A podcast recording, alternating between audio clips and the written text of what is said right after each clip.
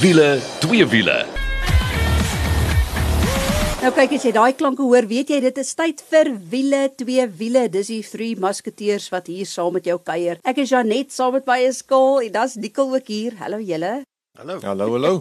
So ons het 'n bekendstelling gehad, ons het nuus van Volkswagen, ons het 'n lekker padtoets gehad met 'n plug-in hybrid, so 'n hibriede voertuig wat jy inprop en dan het ons interessante wenk ook want met al hierdie elektriese hibriede, plug-in hybrids en alles, ja, voel ek soos 'n debakkaar tor. so Nikkel gaan vir ons sy wysheid deel om net bietjie te verduidelik hoe dit werk. En dan natuurlik bietjie twee wiele aksie ook want dit was natuurlik die afgelope naweek die laaste ronde van die MotoGP en Ducati het geseëvier 4 en ons gaan daaroor gesels. Maar kom ons spring dan weg. Ek het die fantastiese voorreg gehad om gou-gou weer bietjie te gaan skouers skuur met Toyota en dit is met daai baie gewilde Toyota Corolla van hulle. Nou julle sal onthou 2020 het hulle die nuwe Corolla bekend gestel. En nou het ons net bietjie weer gaan kennis maak met hoe hulle hom verbeter het, maar spesifiek met die hibriede voertuig. Nou hy het, het 'n nuwe kragbron as jy nou wonder. Basies nog steeds daai 1.8 liter petrol engine saam met die elektriese motor, maar maar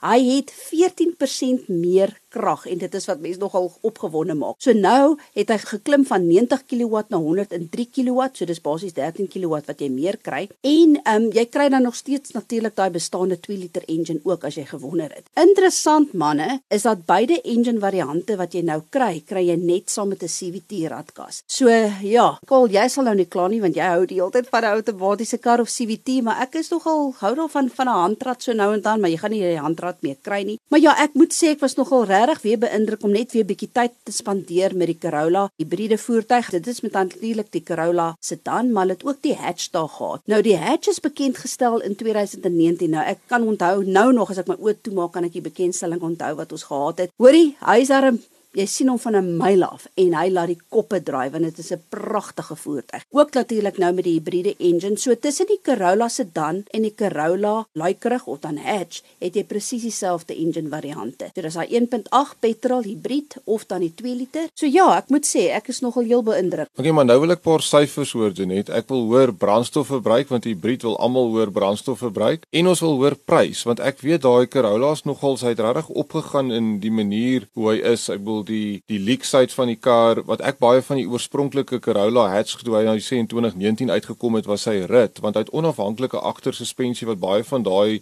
segment voertuie nie het nie. So die rit was altyd baie goed. En dan wat betaal mens vandag? Ek is so bang om jou te vra want van die karpryse vandag is net crazy. Ja kom ons kyk gou net eers aan die pryse. Want as jy kyk na die Corolla sedan hy begin by 502 600 So jy kry min twee spesifikasie vlakke, die XS en dan die XR. So dis nou albei die hibrides en dan kry jy ook die 2 liter XR. So hy begin 502 600 en dan jou 2 liter XR CVT is 517100. As jy kyk nou weer na die luikerig, daar het jy ook jou 1.8 jou hibriede een en hy begin by 490900. Net interessant genoeg ook op die ehm um, luikerig het jy die Bytone opsie ook en dan hardloop die prys al die pad op na daai 2 liter XR CVT en dit is ook die Bytone en dit is 529900. Ja, en goed, die brandstofverbruik gaan jou laat glimlag. Die amptelike verbruik is so 3.9 liter per 100 km. Nou, ek kan nie vir jou sê wat ons gekry het nie. Ons het nou nie so ver gery nie en dit gaan natuurlik ook afhang van hoe hard jy ry en jy op die versnelling is en daai verskil van tussen die petrol engine en die hibriede engine. Maar ja, algemeen baie beïndruk. Ek is regtig mal oor die feit dat hulle klein elemente verander het aan die buiteruim, ook aan die binneruim. Baie baie goeie nuus is dat jy byvoorbeeld nou Toyota se safety sense kry standaard saam met die Corolla sedan en saam met die Lycra. Maar net vinnig voor ons tyd uithardloop, wil ek ook net vir jou baie goeie nuus meedeel. Ons het gery met Toyota se RAV4 plug-in hybrid. Ja, jy kan hom nog nie koop nie. Hulle het nou 8 van die plug-in hybrids ingebring. Dis nou die RAV4 en die rede daarvoor is om net die mark bekend te stel aan hoe dit werk. Nou ons padtoets is nou toevallig met 'n uh, uh, Volvo wat 'n plug-in hybrid is. Ons gaan net 'n bietjie daaroor gesels. Nikkel gaan ook later verduidelik hoe dit werk. Maar was ek nou beïndruk? Nou onder andere die petrol engine van hierdie uh, plug-in hybrid is 'n 2.5 liter. Hy kom met twee elektriese motors. So ja, jy praat van lekker woema hoor, veral as jy 'n elektriese motor ry. En dan die ryk ryksafstand van die elektriese motor op sy eie is 80 km. So ja, hou maar hierdie spasie dop. Jy kan die kar van 'n myl af sien want hy het pragtige mooi ontwerpelemente wat hom laat uitstaan, selfs aan die binneruim ook, maar dit is natuurlik alles deel van Toyota se fase 2 as deel van hierdie new vehicle energy strategie wat hulle besig is om te implementeer. So ja, dit is wat die bekendstelling betref, daai baie gewilde Corolla sedan en dan ook die Corolla hatch maar as 'n hibriede voertuig. Kom ons beweeg nou eers oor nikkel. Jy het 'n virtuele media vergadering of wat mense dit ook al noem bygewoon, maar dit is natuurlik daar's 'n klomp nuus by Volkswagen. Dis reg, dit amper weer soos in die COVID tye gevoel wat jy agter jou rekenaarskerm sit in vergaderings bywoon. Gelukkig is dit als daarmee heen. Maar ja, daar was groot nuus by uh, Volkswagen gewees. So ek weet nie of die name vir die mense daar buite 'n klokkie lui nie, Maar Thomas Schäfer was die MD van Volkswagen Suid-Afrika vir 'n hele paar jaar gewees. Hy het nou 'n nuwe pos gekry in Europa en hulle noem hom nou die CEO van die passasierslyn van die groep Volkswagen in Europa. So 'n baie groot jo. pos wat hy nou gekry het. En natuurlik het sy pos toe nou oopgegaan en wie gaan daarin? Ons almal ken vir Martina Been. Sy is altyd op die bekendstellings gewees. Sy is nou die MD van Volkswagen Suid-Afrika. So eerstens het hulle vir ons vertel van hierdie nuwe posisies. Ook het Thomas bietjie vertel oor sy eerste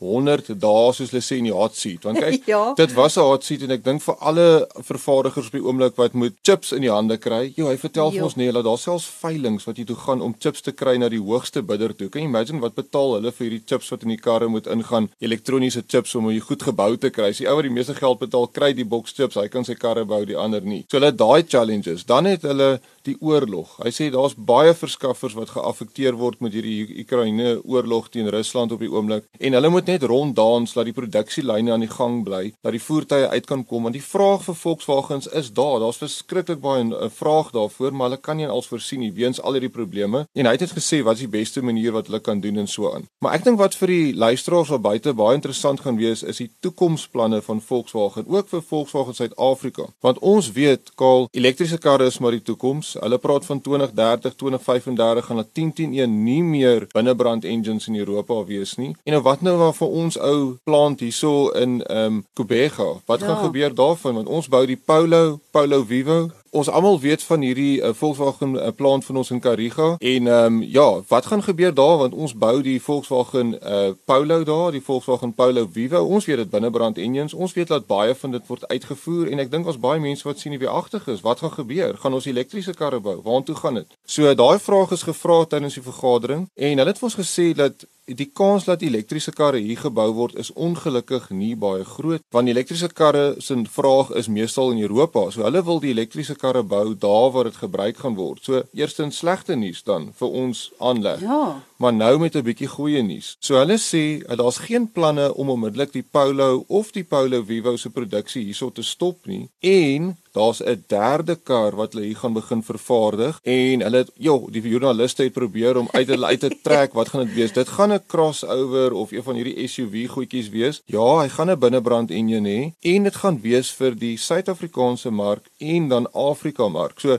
hulle gaan probeer om al die uitvoer volume wat hulle gaan verloor en met veral Polo wat uitgevoer word weens die binnebrand elektriese ene daai volume gaan hulle probeer vervang met 'n kar wat dan nou vir Suid-Afrika en Afrika bedoel is. So die goeie nuus is die aanleg gaan oop bly, dit gaan net effens verander, maar daar's definitief nog 'n groot toekoms in Suid-Afrika vir Volkswagen produksie wat ek dink baie goeie nuus vir ons is. En natuurlik, jy het nou gesê van Martina Bien wat nou die hoofuitvoerende ampte van Volkswagen Suid-Afrika is. Ek het ook al 'n paar keer met haar gesels. Dit is so 'n dinamiese vrou. Sy kom van Duitsland af. Dus sy het 'n lekker aksent, maar dit gaan nou lekker wees om haar ook weer aan die stuur van sake te sien. En uh, ja, dit gee vir my sommer moed as ek sien ek wat nou veg vir die vroueregte hierdie kant dat vrouens in sulke hoë posisies is. Nou goed, nou oor na ons padtoets van die week. Nou, ons het nou net nou gesels oor die Corolla sedan en die Corolla luikerig of dan die hatch, maar hulle hybride voertuig. En toe het ek nou ook genoem dat Toyota nou 8 RAV4 plug-in hybrids gaan inbring as deel van 'n toetsloopie. Jy kan hom nog nie koop nie, maar wat jy wel kan koop is Volvo se XC60 T8 recharge wat basies beteken dit is ook 'n plug-in hybrid. So dit was nou verskriklik interessant om nou met so 'n voertuig te ry. Ek bedoel ons ken hibriede voertuie, ons ken vol elektriese voertuie, maar hier het jy nou 'n plug-in hybrid. En die beste manier om dit eintlik te beskryf is soos wat Greg Maroweski, hy is natuurlik die hoofuitvoerende amptenaar van Volvo Car Suid-Afrika. Hy sê have an electric car but with a backup plan en dis presies wat hierdie kar vir jou bied. Ja, ek dink dis 'n groot ding Janet, die feit dat hierdie karre hier is om te bly. Nicole het net nou daarin geraak. Interessant genoeg voor ons nou 'n bietjie in hierdie kar in delf is uh, Volvo se verkope jaar op jaar 11.5% op wat beteken dat uh, eh, 31.7% van die voertuie wat hulle verkoop is nou elektriese voertuie wat uh, vir jou definitief iets sê en daar is so baie om oor te praat as dit kom by hierdie karre. Maar kom ons kyk gou vinnig. Ons weet hulle is nie goedkoop nie. Ou kyk na so 1.2 miljoen en dan is daar nog 'n klomp ekstras wat jy kan bysit. Maar die lekker ding is, nou hierso is nou 'n klomp getalletjies nikkel. Ek weet nie as hoe hulle dit uitwerk nie. Ja ja. Maar uh um Dit wat ek wel verstaan is dat die petrol enjin net so 233 kW en 400 Nm in is 'n turbo aangejaagde engine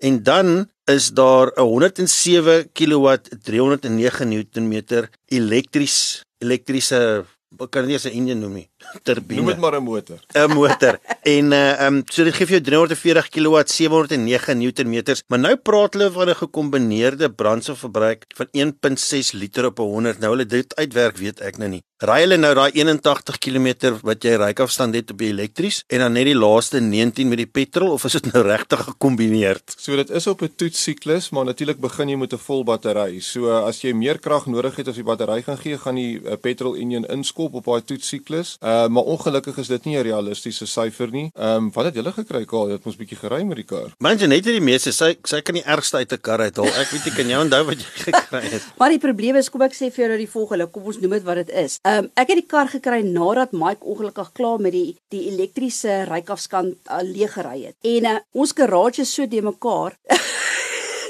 ek sien die kar en die garage kon intrek om die kar te herlaai nie, om die battery te herlaai nie. So die speletjie wat ek gespeel het, is dat jy met die petrol engine die battery kan herlaai as jy op 'n sekere manier ry. En dis nou reeds wat ek wou gehad het, Nicole ook vir ons baie mooi moet verduidelik. Tydens ons wenk van die week is hoe hergenereer jy energie om daai battery te herlaai. So, ek het dan op die outonou sal ek daai battery kry laat hy weer so halfpad is, dan ry ek weer net op elektries, dan is dit verskriklik lekker. Maar my verbruik op die outonou met die wat ek nie die kar fisies kon herlaai nie was so 8 liter per 100. Maar neem nou in gedagte ek het glad nie die kar kon herlaai nie. Ja, maar as jy net ek wil net terugkom Volvo. Uh, jy ken self Volvo baie goed Nikkel. Boukwaliteit, veiligheid, ek bedoel hulle is is, is net leiers uh, as dit by dit kom en seker van die gemaklikste sitplekke wat daar is. Absoluut. Het jy veel al agtergekom jy kry van hierdie ouens wat leersitplek hier, lyk dit asof hulle een stuk leer gevat het om so gespan het oor die sitplek. Volvo gebruik vir sommer 'n klomp verskillende stukke en dit maak dit baie gemaklik en selfs aan die agterkant vir ons wat nou langer bene en goed het. Ek toets altyd 'n kar om te kyk kan ek agter myself sit. So ek sal die, die stoel voor regstel en dan sal ek agter gaan inklim en sal ek daar gaan sit. En met 'n Volvo kan jy dit doen, maar uh, ja, hulle kyk om teen 22 30 niks meer uh, gewone kar het nie, dit gaan alles elektries wees. Nou hoop ek maar hulle sien 'n uh, plug-in hybrid ook as elektries. Ja nee, verseker, ek dink dis deel van die strategie en ek dink die plug-in hybrid is presies dit. Um, ons praat van range anxiety. Die lekker ding met 'n plug-in hybrid is jy kan vol elektries ry vir kort afstande. Um, ek het die battery gekry dat hy op die ou net so hy herlaai tot so 30 km, maar ek weet jy kan hom herlaai tot so 60. Die amptelike syfer wat hulle deurgee so skaal genoem het is 81 km. Maar ek bedoel meeste van ons behalwe as jy nou seker in Gauteng ry en baie ver moet ry, maar meeste van ons ry tog nie meer as so 80 km 'n dag nie. So dan is daai elektriese motor eintlik perfek en ideaal. Wat ek net weer wil afsluit wat Volvo betref, julle absoluut gelaai met alles waaraan jy kan dink. Uh daar dis nie vir nie dat wolwe altyd gesien word as die veiligste voertuig op die paaie nie. So uh, ja, ons gaan later sal ons bietjie meer breedvoerig hieroor gesels gaan loer bietjie op ons Facebook bladsy. Hoe lyk hierdie Volvo XC60 T8 Recharge plug-in hybrid? En ja, so die beste van twee wêrelde. Ja, dis dit vir die eerste helfte. Nou gaan ons eers asem skep en dan is ons terug met ons wenk van die week en so 'n bietjie motorfiets gesels. As jy 'n vlekvrye staal uitlaatstelsel soek of jy nou jou kar wil laat purr soos 'n klein katjie of laat blaf soos 'n Rottweiler, moet jy definitief 'n draai gaan maak by Powerflow Belwel. Hulle kyk na alles wat jy nodig het wanneer dit by jou uitlaatstelsel kom en jy kry boonop 'n 5 jaar waarborg ook. 'n Nuwe stelsel sal self vir jou beter werkverrigting gee. Besoek powerflowbelwel.co.za of Powerflow Exhaust Belwel op Facebook. Powerflow Belwel, jou nommer 1 vir vlekvrye staal uitlaatstelsels. As jy nou net ingeskakel het, dit is wiele twee wiele. Dit is ek Janet saam met my Skaal en dan ook Nikkel. En voor Nikkel sy wysheid oor wat 'n hibriede voertuig en plug-in hybrid en al hierdie dinge is, kom ons gaan hoor gou wat sy wysheid het Marianta Fraier om met ons te deel. En sy is natuurlik by Ketworth Getworth die motorprysdeskundiges. Dit is tyd vir jou weeklikse motorwaarde wenk met die komplemente van Getworth. Met die stygings in gebruikte motorpryse sedert Covid is daar 'n goeie kans dat jou motor onderverseker is. My naam is Marianta Fraier, hoof van bemarking by Getworth. As jou motor gesteel of afgeskryf word, is jou versekeringsuitbetaling dalk nie voldoende om dit te vervang nie. Baie versekerings verseker volgens die motor se boekwaarde, maar in sommige gevalle is dit ver weg van die werklike markwaarde, veral vir motors met lae kilometers vir hulle ouderdom. Dit is dus die moeite werd om met jou versekeringsmaatskappy te bevestig wat die versekeringswaarde is en dit te vergelyk met die huidige markwaarde van jou motor. Dit is jou weeklikse motorwaarde wenk met die komplemente van Getworth. Nou toe, nou is dit tyd vir wenk van die week. Nikkel, jy moet asseblief hierdie blond help want ek het nodig om te weet hoe werk al hierdie verskillende dinge. Hibriede voertuig, dan kry jy 'n plug-in hybrid, jy kry vol elektries. Vertel. Goed, kom ons kyk of ons hierdie raaisel kan ontrafel. Ja, so kom ons begin gou. Onnatuurlik weet ons van die binnebrand engines, dis waarmee ons groot geword het. Toe begin dit nou raak dat ek kom ons sit 'n elektriese motor en 'n batterypakkie by. Dan het jy nou 'n hibriede voertuig. En eers in Suid-Afrika wat ons gehad het, is die Toyota Prius. Almal ken die Prius. Ehm um, hy het 'n klein batterypak gehad. Hy was 'n hibriede voertuig. Die idee was dat as jy in die stad ry, dis stop-start tegnologie en so aan, dan kan jy van jou kinetiese energie as jy byvoorbeeld rem terugsit in die battery in en om hom weer te laai. So daai oorspronklike Prius hibriede voertuig het nie 'n prop gehad nie. Daar was nie 'n prop wat jy in die muur kan inprop in daai battery nie. Soos wat jy vertel het met die Volvo, hy het homself die battery vol gelaai. En baie keer is dit nie 'n baie effektiewe manier nie want jy moet nou van die brandstof gebruik om die binnebrand enjin aan te dryf. Hy moet krag opwek wat dan nou die battery kan laai. So dit kan nie direk eh, wees natuurlik nou met die alternator, dit kan ook selfs wees dat dat hy die kar net laat vorentoe ry en dan word daai elektriese motor gebruik om dan self die krag op te wek en hy battery vol te maak. So Die ideale strategie van 'n hibriede voertuig is laai net die battery wanneer daar energie vermors word. Soos byvoorbeeld teen 'n afdraande, as jy net sien nou maar sou gerem het om die kar teen spoed te hou, dan gebruik jy eerder 'n elektriese motor en daai tyd om die krag op te wek om die battery vol te maak. As jy gaan rem het na 'n stopstraat toe, na 'n rooi lig toe, dan maak jy die battery weer vol. So dis 'n effektiewe manier om die battery vol te maak. Maar nou, as jy maar daai Prius gaan ry op die lang pad en soos jy sê, die battery raak dan nou leeg, hoe gaan hy volmaak want jy rem nooit nie? So nou moet hy van die petrol gebruik, daai energie om die battery battery vol te maak en dis nie baie effektief vir hibriede voertuig nie. So dis waar hulle toe nou beweeg het na plug-in hybrid. So dis fisies hy het 'n prop, hy het 'n laaier, jy kan hom inprop. Baie keer het 'n plug-in hybrid ook 'n heelwat groter battery as net 'n hibriede voertuig. Ehm um, en die rede daarvoor is dat jy 'n afstand moet om kan ry net in elektries. So daar moet 'n groter elektriese motor wees, 'n groter battery en jy praat van byvoorbeeld hier by 80 km op daai Volvo.